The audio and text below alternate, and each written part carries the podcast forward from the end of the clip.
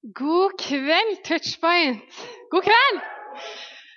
Jeg heter Hanna, og det er utrolig stas å få stå her igjen. Spesielt i en så fin taleserie som dette, nemlig Connect. Du har kanskje vært der de siste møtene og hørt eh, Dina og Dinge snakke om å connecte med den lokale menigheten, og også at nettopp du trengs der.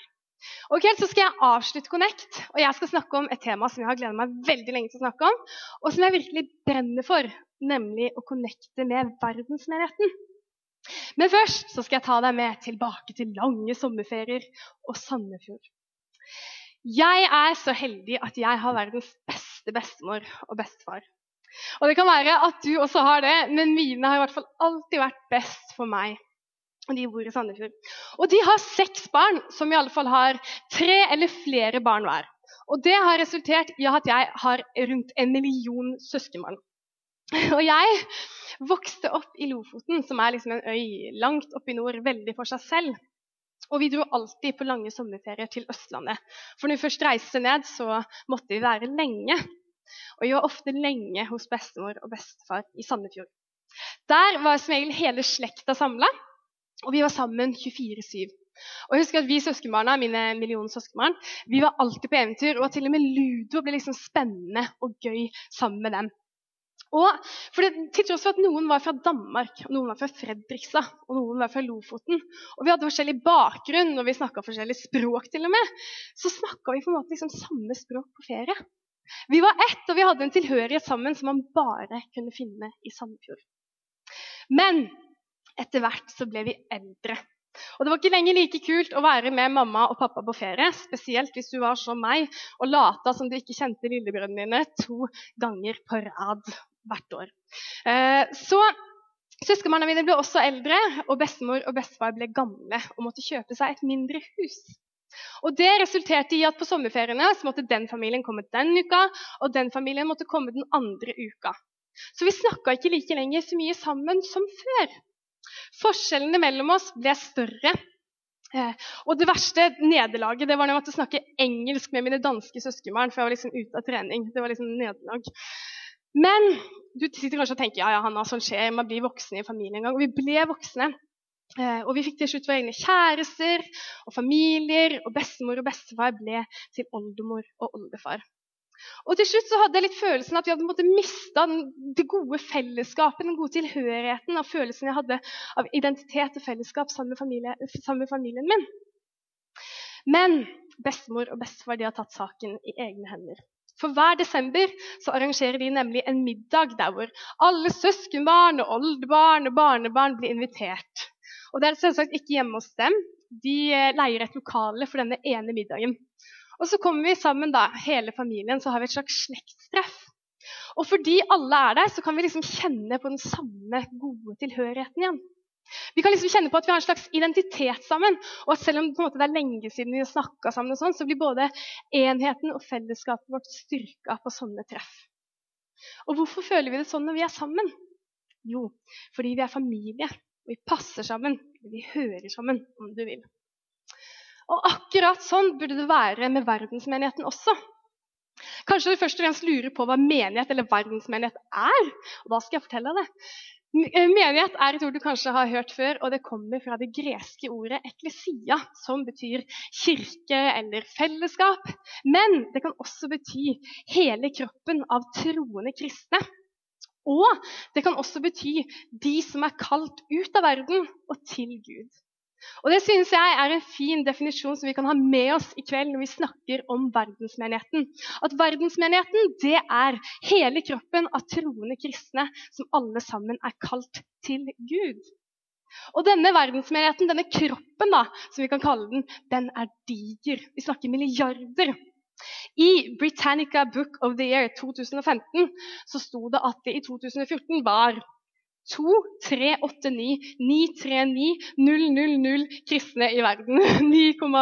2,3 milliarder eller noe. Og Det er så stort jeg måtte google hvordan jeg sa tallet før jeg kom hit i kveld. Men jeg har glemt det nå, da. så jeg får spørre meg en annen gang. Men dere, vi tilhører altså en stor kropp, og verdensmenigheten kan vi kalle denne kroppen. Men noen ganger så tror jeg at vi som kristne tror liksom at det er bare vi som er kristne i verden.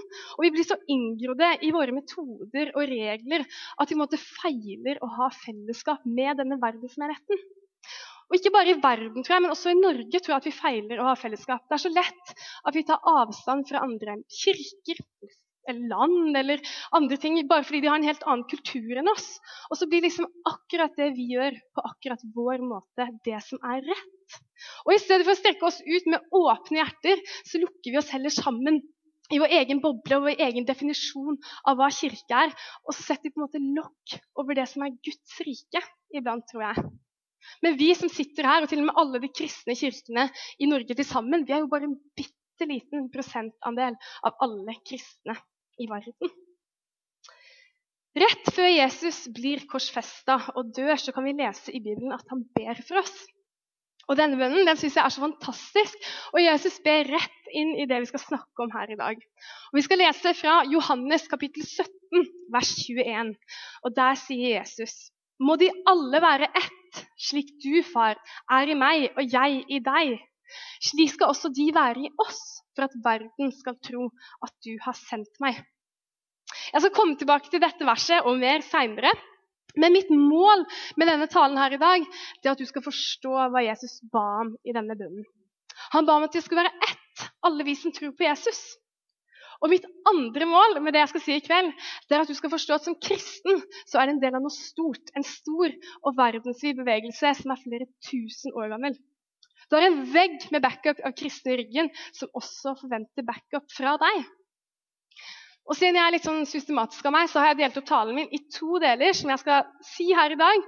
Og det er to deler som jeg ikke bare taler til deg, men jeg taler til meg selv også. For dette er så utrolig viktig. Og på denne måten så kan vi connecte med verdensmenigheten. Jeg tror det også er viktig, fordi jeg tror vi trenger å få løfte blikket litt fra våre egne sko og se at det ikke bare er vi som er kristne her. og er, Vi tilhører en stor Gud som ikke bare er på touchpoint i Norge, men over hele jorda. Og av disse to delene så er den første delen jeg har lyst til å dele med deg, at vi er én menighet. Dette er meg i Uganda. For da jeg gikk i 9. klasse og var konfirmant, så var jeg så heldig å vinne en tur til Kenya og Uganda med Strømmestiftelsen. Jeg var en jålete byjente som hadde flyttet fra Lofoten, vel å merke, og de eneste afrikanerne jeg hadde møtt, de gikk i klassen min. Så jeg grudde meg litt til de store kulturforskjellene. Men det gikk fint selv om jeg så med liksom doble myggnettinger over senga. bare for å være på den sikre siden. Og Hver morgen altså sånn klokka seks eller halv syv om morgenen, så satt vi i en overfylt minibuss som kjørte på sølete og humpete veier, og jeg satt bakerst og sminka meg. klasse, altså. Men noe av det vi gjorde mest av eh, på denne turen, det var å besøke menigheter rundt omkring i Uganda og Kenya. Noen menigheter var bitte små og holdt til i garasjer, mens andre var kjempestore og kunne samle flere tusen til gudstjeneste hver søndag. Og Noen ganger måtte de sitte ute på gresset, til og med, for det var ikke plass til alle inne. Og de sang kjempehøyt. De brølte nesten. Og jeg husker at jeg var litt redd, men samtidig litt sånn frydefull. For det her var en helt annen kirke enn det jeg var vant til hjemmefra. Fredrikstad frikirke er ikke akkurat tidenes mest karismatiske plass. Og bortsett fra at noen rappa juleevangeliet en gang på julaften, så går ting for det meste rolig for seg der. Men så var jeg her i Uganda da, og jeg kunne ikke annet enn å delta på disse gudstjenestene. Men en dag så ble det for mye for en stakkars nordmann eller nordkvinne. Gudstjenesten hadde vart i fire timer, og jeg drakk opp vannet mitt under den første. Så da vi som var nordmenn skulle opp foran alle disse afrikanerne, 500 afrikanere, og synge den norske salmen 'Navnet Jesus' på slutten av gudstjenesten, så endte hele greia med at jeg besvimte på scenen i Uganda foran 500 afrikanere.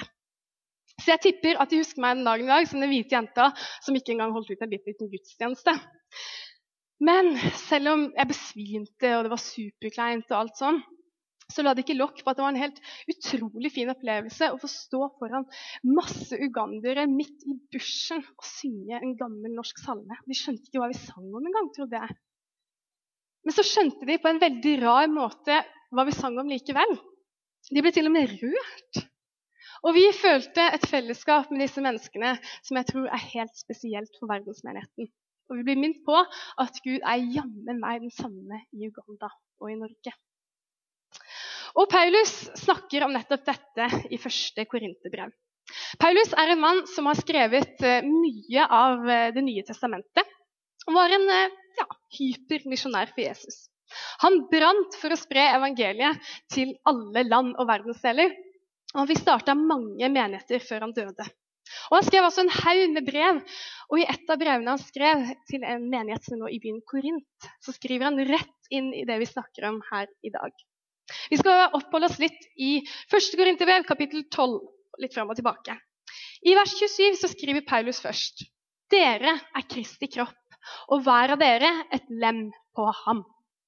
Med dere så mener Paulus de kristne i verden, de som tror på Jesus. Vi har altså én kropp. Og det kan være du syns det er en sånn klein bildebruk, du ikke skjønner helt hva jeg mener, men bear with me, så skjønner du kanskje snart. Vi er nemlig ikke bare én kroppsdel, men mange kroppsdeler, eller lemmer, som Paulus, eh, som Paulus kaller det, som til sammen utgjør Kristi kropp. Og Det vil da si at vi har litt til felles med hver eneste kroppsdel, og hver av oss er nødvendige for at kroppen skal kunne fungere optimalt. Og Det gjelder også menigheter i ulike land. I Vesten så tror jeg at vi i kirkehistorien har hatt en tendens til å sette litt standard for hvordan kristendommen skal se ut. Vi har på en måte lagd våre egne tradisjoner og regler og måter å gjøre ting på. at Når vi møter noen andre som gjør det helt annerledes enn oss, så er det liksom lett å innta denne posisjonen og si 'så søtt', eller 'bare i Afrika'. Og På den måten så distanserer vi oss fra kristne og, og menigheter rundt i verden. Og det er ikke bra. Og vi lager en fasit for hvordan kristendommen virkelig skal se ut. Ta f.eks. touchpoint. Her gjør vi alt vi kan forhåpentligvis, for å tilpasse møtene våre unge voksne. Og vi bruker gjerne høy lyd og masse lys og sånn for å gjøre det.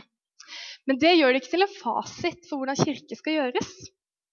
Møter for unge voksne i Kina eller Moskva om du vil, det kan se helt annerledes ut, men likevel være fullverdige gudstjenester, bare at de har tilpassa sin kultur og målgruppe på en litt annen måte.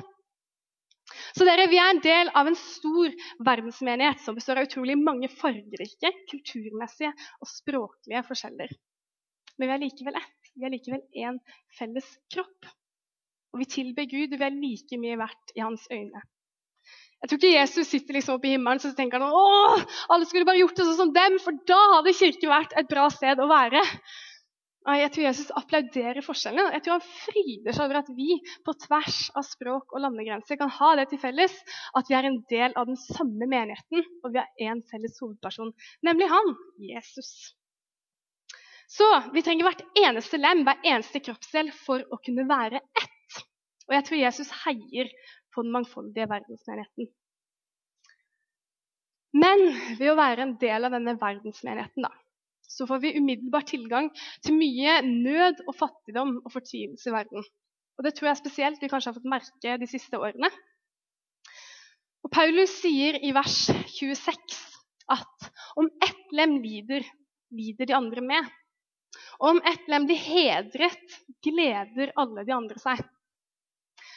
Dette verset det sier så utrolig mye, og det utfordrer spesielt meg på veldig, veldig mange måter. For de siste årene, kanskje spesielt i 13, 14 og 15, så har liksom forskjeller som dette møtt meg hver dag når jeg åpner nettavisen med den trygge kaffekoppen min i hånda. Kristne over hele verden lider under forfølgelse, fattigdom og fortvilelse. Vi leser om IS som dreper og forfølger asyriske kristne. Og vi leser om kristne i Nord-Korea som blir torturert og sendt til fangeleirer for det de tror på. Og så sitter vi her da, i Dronningens gate i Kristiansand, og vi har nettopp fått kaffe og sjokolade på vei inn i kirken. Og vi kan synge kjempe, vi kan spille masse musikk uten å være redde for at noen som vil oss vondt, skal høre det. Og vi kan lese fra bibler som ikke er smugla inn i landet vårt av folk som risikerer livene sine for det.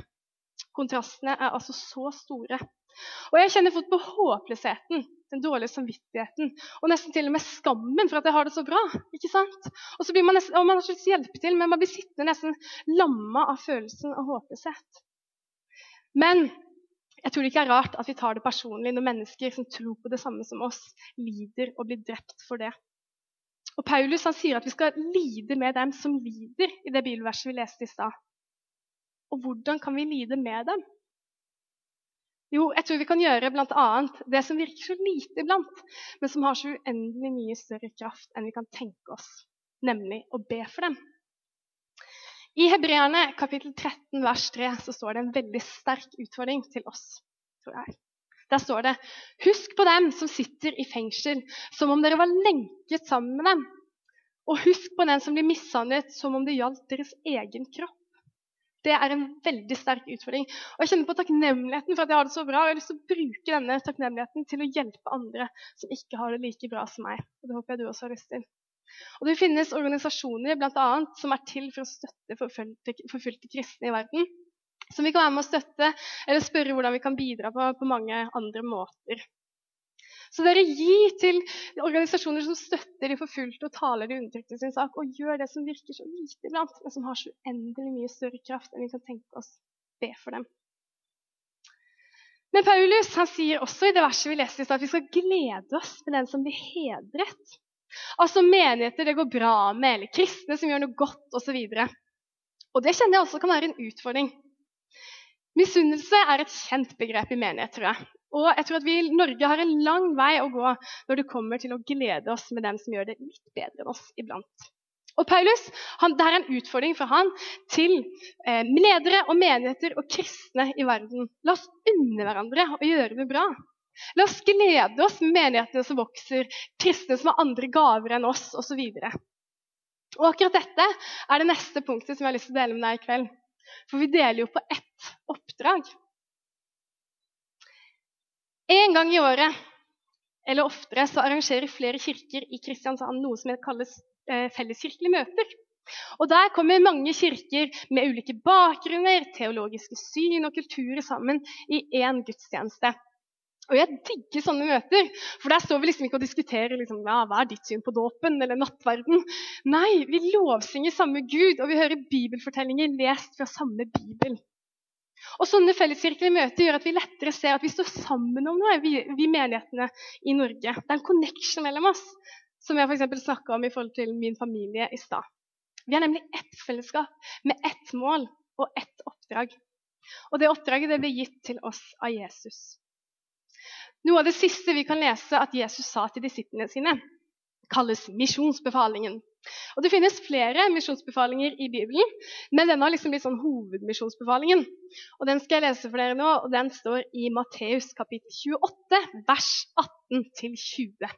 Og Der sier Jesus.: Jeg har fått all makt i himmelen og på jorden. Gå derfor ut og gjør alle folkeslag til disipler, Døp dem til Faderens og Sønnens og Den hellige ånds navn. Lær dem å holde alt jeg har befalt dere. Og se, jeg er med dere alle dager inntil verdens ende. Jeg ser dere ikke så godt, det er så mørkt, men dere ser ut som dere takla litt fremmedord i begynnelsen i dag. Så nå skal du få til. Du må begynne å se litt sur ut hvis du ikke skjønner hva de snakker om i kirken. og sånn, for da fortsetter vi ikke, ikke sant? Men du har kanskje hørt ordet misjon i livet ditt noen ganger før. Og Misjon det kommer fra det latinske ordet 'missio', og 'missio' betyr å sende.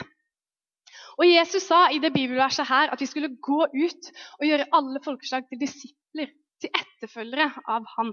Og han sender oss dermed ut i verden. Ut på arbeidsplassen, ut på studiestedet og ut i hverdagen til mennesker med ett oppdrag. Nemlig å fortelle dem om evangeliet. Altså at Jesus kom til jorda, døde og sto opp igjen for deg, slik at det som en gang var brutt mellom oss og Gud, nå kunne bli helt igjen. Og Dette oppdraget det deler vi med alle som sitter på touchpoint i dag og kaller seg kristne. Men også megakirkene i USA og de forfulgte kjellermenighetene i Nord-Korea. Og Det syns jeg er helt spesielt å tenke på. At vi kan ha så forskjellige uttrykk på gudstjenestene våre, men like fullt og helt jobbe sammen mot samme oppdraget. Men ofte så tror jeg vi som kristne har feila. Gjennom hele historien så kan vi se eksempler på at kristne rett og slett i grunn, bare i grunn er mennesker som også gjør feil. Og det kan få fæle konsekvenser iblant. Kristne kan være utrolig bitre, f.eks., og det fører med seg splittelse og utestenging og misunnelse. Og Vi har ofte hatt fokus på feil ting, som vi har snakka om i forhold til misunnelse i kirken. Og det er så ødeleggende for kirken tror jeg, for det oppdraget som vi egentlig burde ha fokus på. Jeg leste i begynnelsen et vers fra Johannes kapittel 17, der hvor Jesus ba for oss at han ba om at det skulle være ett. Og Hvis vi leser litt videre til vers 23, så konkluderer på en måte Jesus med hvorfor han ber om at vi skulle være ett. Det skal vi lese nå. Han sier da skal verden skjønne, da, når vi klarer å være ett, skal verden skjønne at du har sendt meg, at du elsker dem slik du har elsket meg. Jeg skal lese det en gang til, for det er veldig fint. Da skal verden skjønne at du har sendt meg, at du elsker dem slik du har elsket meg. Aha! Når vi som felles verdensmenighet klarer å jobbe sammen om dette oppdraget, så kan vi vise mennesker Guds kjærlighet gjennom det vi gjør. Og Det er Jesus som ber denne her bønnen. Vi får et innblikk i hvordan han tenker at der evangeliet skal gå utover hele jorda. For menigheten skal vokse seg stor og reprodusere seg og multiplisere seg hele tiden. Og da er det superviktig at den fungerer som den skal. For hvis det kommer en liten feil inn i menigheten, så kommer den til å vokse seg stor sammen med menigheten. Og det blir til slutt veldig mange små eller også store feil. Jeg kan veldig lite om hus og planker og byggeting og sånn. Og i fjor så fikk vi mugg på soverommet vårt. Og min første reaksjon var selvfølgelig 'Jonas! Æsj!' Og så satte jeg i gang med å vaske vegger og tak. Og det gjorde jeg masse med en gang jeg så antydning til mugg. Men greia var at det ble jo ikke borte. og til slutt så tok vi kontakt med vaktmesteren som har ansvar for det huset vi bor i. Og han skulle komme og ta en titt. Og Etter en rask sjekk på huset vårt så oppfordra han oss til å kjøpe en lufttørker som skulle ta bort fuktigheten i rommet. Og Så sa han en setning som jeg ble veldig overraska og som jeg aldri trodde jeg skulle få brukt i en tale. Men han sa hvis det ikke går bort da, så må vi nesten bare rive veggene. Og Jeg husker jeg ble så overraska, for jeg trodde man bare kunne vaske bort mugg. Og jeg trodde ikke at en så liten flekk kunne få så stor betydning for resten av huset vårt. Men sånn er det med menigheten også, dere. At vi skal kunne klare å jobbe sammen om dette oppdraget som er så kraftfullt og verdifullt, så må vi få bort muggen. Og en gang for alle, og ikke bare vaske bort en gang iblant. For hvis kirken skal vokse, så må det være en sterk og sunn kirke. Og ikke bare en muggen kirke som ser fin ut på overflaten. ikke sant? Og Det er selvfølgelig mange menneskelige feil som kan skje i en menighet, og det er mye nåde for det, tror jeg. Men om den grunnleggende og gode innstillingen som vi burde ha til hverandre, er feil, eller om kjærligheten til medmenneskene våre ikke er på plass, da tror jeg det som Jesus iallfall ikke ba om, skjer. Og vi kommer til å multiplisere en menighet som ikke ligger nær til det Jesus mente den skulle være. Vi må vende vår finn fem feil-attitude til finn fem rett, tror jeg. Dere begynner å se etter fem feil med en gang, ikke sant? For vi er oppdratt med sånne bilder. Vi ser to bilder som er nesten like, og så går vi inn på mikroskopnivå og prøver å finne ut hva som er galt med det ene. Og Sånn tror jeg det er med menigheter også. Så dere I møte med andre menigheter så må vi endre vår innstilling fra å gå inn og, og si liksom, hva er galt her, og hva gjør disse annerledes enn oss, til å heller være hvor kan jeg finne Jesus i denne menigheten? Da tror jeg at øynene dine vil bli åpna, og du vil kunne se det, felles oppdraget som vi står sammen om, på en helt ny måte. Dette det er David Livingstone. Han er en av verdens mest kjente misjonærer i historien. Faktisk så kjent at han er gravlagt i Westminster Abbey i London. Og Han reiste som oppdager og misjonær til Afrika. Og Han sa veldig mange kloke ord.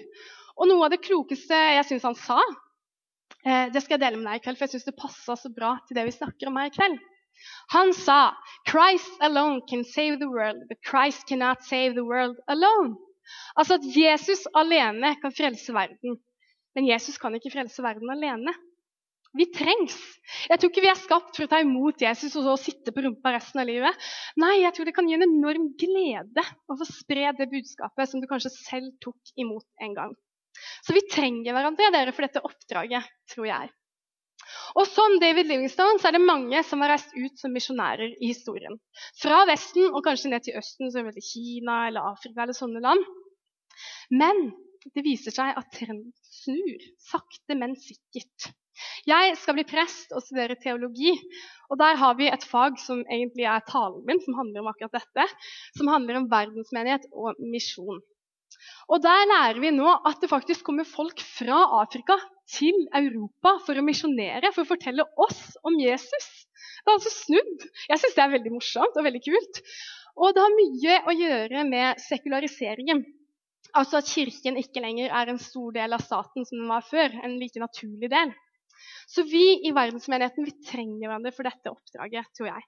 Vi klarer det ikke alene her i Norge. og Det er kanskje derfor de ser det i Afrika, så kommer de opp hit til oss. Jeg syns det er dødskult. Så vi skal sammen med alle de kristne i hele verden spre evangeliet om Jesus. Som Paulus sa, så har den kristne kirkekroppen mange lemmer, mange kroppsceller. Og vi er en hel del, men ikke en hel del i oss selv. Så vi trenger hver eneste del, som Paulus sa, for å ha en fullstendig og velfungerende kropp, tror jeg. Og Du lurer kanskje på hvordan akkurat du kan bidra i dette havet av kirker og kristne rundt i verden. Og det Inge talte om det forrige gang, men jeg har noen forslag. Jeg snakka om at det finnes eh, organisasjoner som støtter forfulgte kristne rundt i verden. Du kan google litt, eller så kan du spørre meg eller andre ledere i Touchpoint eller andre menigheter om tips til hvilke du kan støtte. I tillegg så pleier menigheter å gi litt av gavene kollekten de får inn, hver måned til misjon. Her i Touchpoint som Nina sa, så gir vi til Romania og ulike misjonsprosjekter som Misjonsforbundet har. Så når du gir gave her på Touchpoint, så kan du være sikker på at du er med og støtter verdensmenigheten også. I tillegg så anbefaler jeg deg skikkelig å bli med på en tur til utlandet. Det er mange menigheter som arrangerer det også. Her på Touchpoint så drar vi til USA, til Eagerbrook Church i Minneapolis. Jeg var der selv for et par år siden. Og Jeg kan på en måte ikke kalle det en sånn klassisk dra til Afrika misjonstur som jeg var på i 9. klasse. Eh, for Eaglebrook er en av USAs største menigheter. Men når du er der nede, så får du virkelig øynene opp for at Gud virker på andre kontinenter også. Og at selv om de kanskje samler 20 000 på sine gudstjenester i helgene, og vi kanskje samler 200-300 på våre torsdager, så er vi sammen om dette oppdraget, og arbeidet vi gjør, er like viktig. Og jeg tror vi har godt av å komme oss ut av vår lille norske boble iblant og si at det ikke er vi som er sentrum i verden. Det er en gjeng som har reist nå. Det er kanskje litt kort varsel å reise ned for deg nå, men vi reiser neste år også, så nå er du herved anbefalt det. Bare huk tak i meg eller Røelling eller noen av de andre som er her. Nå skal jeg gå inn for landing. Grunnen til at Jesus ba det han ba om i Johannes kapittel 17, om at vi skulle være ett, var så vi kunne fullføre det oppdraget som vi er satt til sammen med verdensmenigheten. Har du fått bønnesvar en gang i livet? Kanskje vi denne gangen kan være Jesus sitt bønnesvar? For en gangs skyld så er det Jesus som ber for oss, og ikke vi som ber til han. Han kunne bedt om så mye annet rett før han døde, men så er det akkurat verdensmenigheten han velger å be for. Og det tror jeg sier noe om viktigheten ved dem. Men det er ikke alltid like lett å være ett, har jeg snakket litt om i kveld. Vi må være obs på utfordringer. Vi må tenke på vår attitude. Og jeg tror at På den måten så kan vi lære oss å connecte med verdensmenigheten. Vi er en stor, stor del av en bred kropp som trenger alle kroppsdeler for å fungere optimalt. Og Vi må vende vår 'finn fem feil' attitude til 'finn fem rett' og gå inn i menigheter som kanskje er litt annerledes enn det vi er vant til, og heller spørre 'Hvor kan jeg finne Jesus i denne menigheten?' Og Hvorfor er dette så viktig å snakke om på touchpoint? Hvorfor skal vi lære å connecte med verdensmenigheten her? Jo, for jeg tror det kan gi oss komplettering og perspektiv. Og vi har godt av å løfte blikket litt fra vår egen velstand og kirkekultur i Norge, tror jeg, og se at vi er flere. Vi er forskjellige til og med innad i Norge. Og verdensmenigheten består av mange kulturer og språk og masse forskjeller. Men vi er én menighet, og vi har sammen ett felles oppdrag. Og det tror jeg du kanskje har fått med deg ryggsekken i kveld. Jeg håper det. Skal vi be sammen? Jesus, jeg takker deg for at du er en utrolig stor Gud som er over hele jorda, og ikke bare her i Norge. Takk for at vi kan få lov til å ha fellesskap med alle menigheter i verden. Og takk for at du kan komme med din nåde her på Touchpoint, men også alle andre steder i verden, Jesus. Vi ber deg for alle de kristne som lider under forfølgelse og krig og fattigdom og nød, Jesus. Må du bare se dem, Jesus, og komme med din kraft og styrke og motivasjon og kjærlighet, Jesus. Vi legger alt det i dine hender, Jesus, og ber deg for alle som sitter her på Touchpoint i kveld, om at de skal få ha det bra, Jesus, og få din velsignelse over sine liv. Du ser de akkurat der hvor de er nå, Jesus. Legger det i dine hender. I Jesu navn. Amen.